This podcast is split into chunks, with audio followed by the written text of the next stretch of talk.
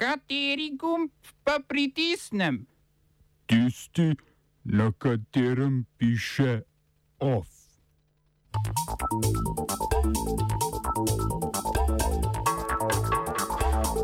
Izraelsko sodišče v primeru izselitev v vzhodnem Jeruzalemu palestincem predlaga nesprejemljiv kompromis. Mednarodni olimpijski komite odprl preiskavo v primeru atletinje Timanovske. V indijskem mestu Bangalore protesti afriških državljanov po smrti kongovskega študenta v priporu. Ruske obrambne sile zaradi bojev v Afganistanu na vojaške vaje z uzbekistansko in tadžikistansko vojsko.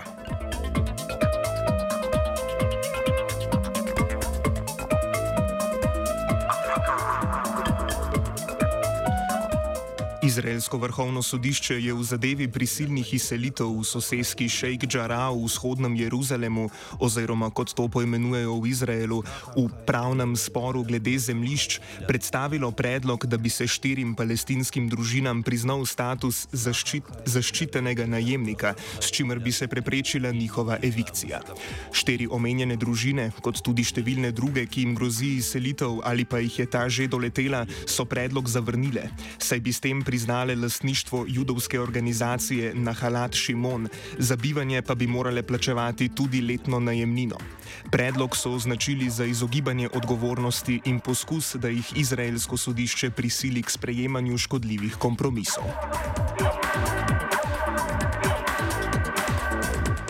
Nahalat Šimon si sicer prizadeva za povrnitev zemljišč, ki so bile v judovski lasti pred letom 1948, kar jim omogoča izraelski zakon. Palestinci so po drugi strani zemljišče zasedli med letoma 1948 in 1967, ko je bil vzhodni Jeruzalem pod oblastjo Jordanije. Poskusi vračanja zemljišč so se začeli po vojni leta 1967 s po mednarodnem pravu nezakonito izraelsko aneksacijo vzhodnega Jeruzalema.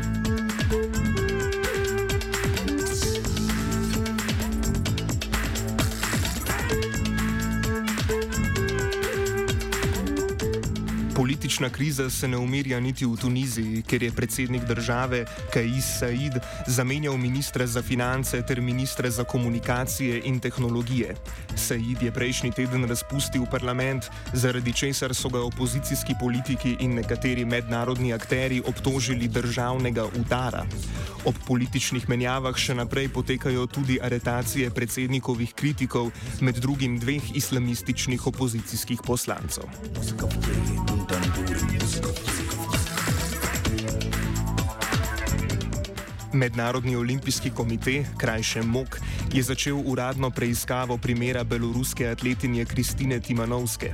Timanovsko so po njenih navedbah in navedbah beloruske opozicije poskušali prisilno ukrcati na letalo proti domovini, še preden bi lahko nastopila v teku na 200 metrov in štafeti 4x400. Razlog za to naj bi bile njene kritike beloruskih trenerjev. Mok je v povezavi z navedbami zahteval pojasnila beloruskega olimpijskega komiteja, ki je v izjavi sicer podal pojasnilo, da so trenerji Timanovsko odstranili iz ekipe zaradi njenega slabega psihičnega stanja. Kljub še ne povsem razjasnjenim okoliščinam so Timanovski pomoč ponudile nekatere evropske države prek tvitev tudi premije Janez Janša in poslanka SDS Mojca Škrinjar. V tem človekoljubnem boju je očitno zmagala Poljska, ki je Timanovski podelila humanitarni vizum, tja pa bo atletinja odpotovala v naslednjih dneh.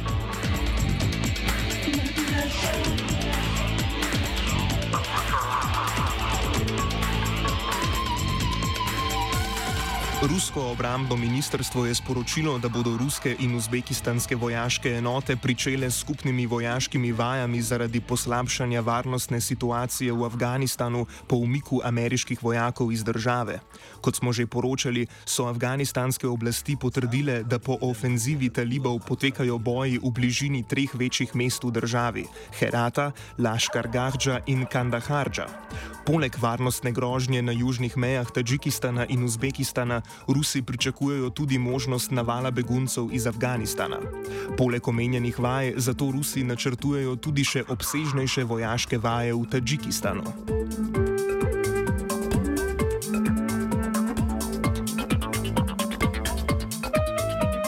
V mestu Bangalore na jugu Indije je bilo v protestih državljanov afriških držav po smrti kongovskega študenta v priporu ranjenih več ljudi. 27-letni študent je bil prijet zaradi posedovanja manjše količine drog, umrl pa je v priporu, uradno zaradi srčnega infarkta kot posledice aritmije, kar so protestniki označili za laž. Po poročanju indijskih medijev so protestniki, ki so se spopadli s policijo, pripadniki Panafriške federacije, skupine, katere cilj je zaščititi pravice afriških študentov in delavcev v Indiji. V preteklosti je skupina že opozarjala na policijske kršitve osebnih pravic in njihove rasne predsotke.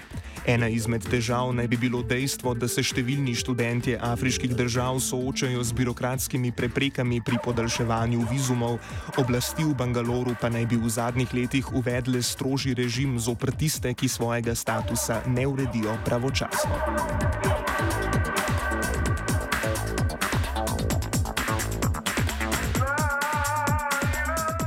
V Mjanmaru se je vojaški general Minong Lang, ki je vodil februarski državni udar, v enournem govoru oklical za novega predsednika vlade in podaljšal izredno stanje.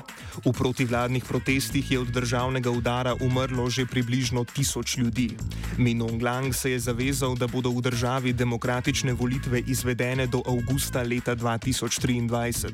Do takrat, torej še dve leti, pa bi lahko trajalo izredno stanje. Obenem je ponovno poudaril, poudaril, da so pripadniki odstavljene vladajoče stranke Nacionalna liga za demokracijo na čelu z dolgoletno voditeljico Aung San Suu Kyi teroristi.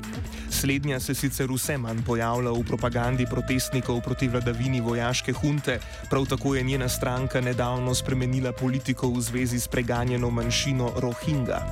Ko je mjanmarsko vlado vodila Aung San Suu Kyi, se je preganjanje Rohingov okrepilo. Sama pa ni priznavala njihovega obstoja, temveč je ustrajala, da so to Bengalci, ki so jih v kolonialnem času v takratno Burmo pripeljali Britanci.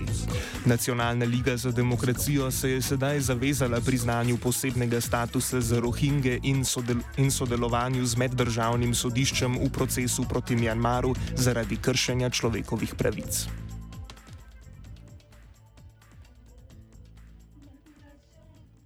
Oba, če, če bom odgovoril na angliški.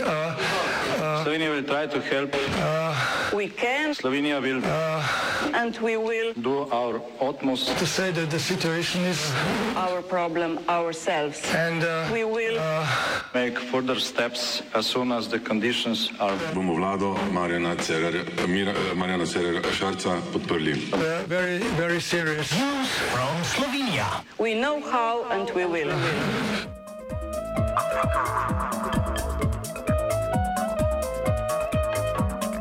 خاخ الخير لمن جارك وخال خير لمن جارك Policija in Družba za avtoceste Republike Slovenije, krajše DARS, sta danes sklenili dogovor o medsebojnem sodelovanju. Namen dogovora je vzpostavitev sekcijskega merjenja hitrosti na določenih odsekih avtocest ter boljše in učinkovitejše sodelovanje med DARSom in policijo, ki bo tako bolj prisotna ob avtocestah in hitrih cestah.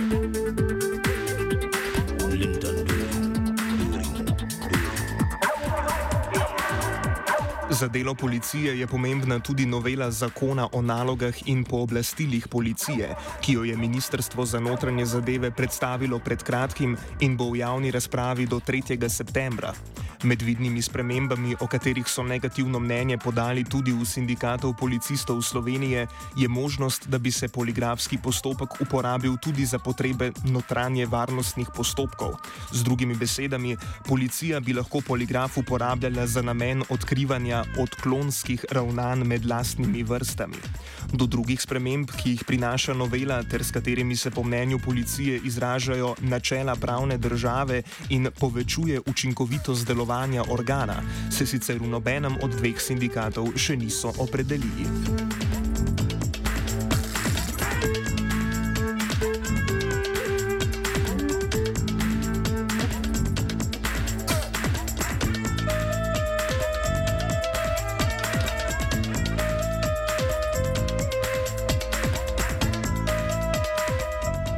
Je pripravil Jure.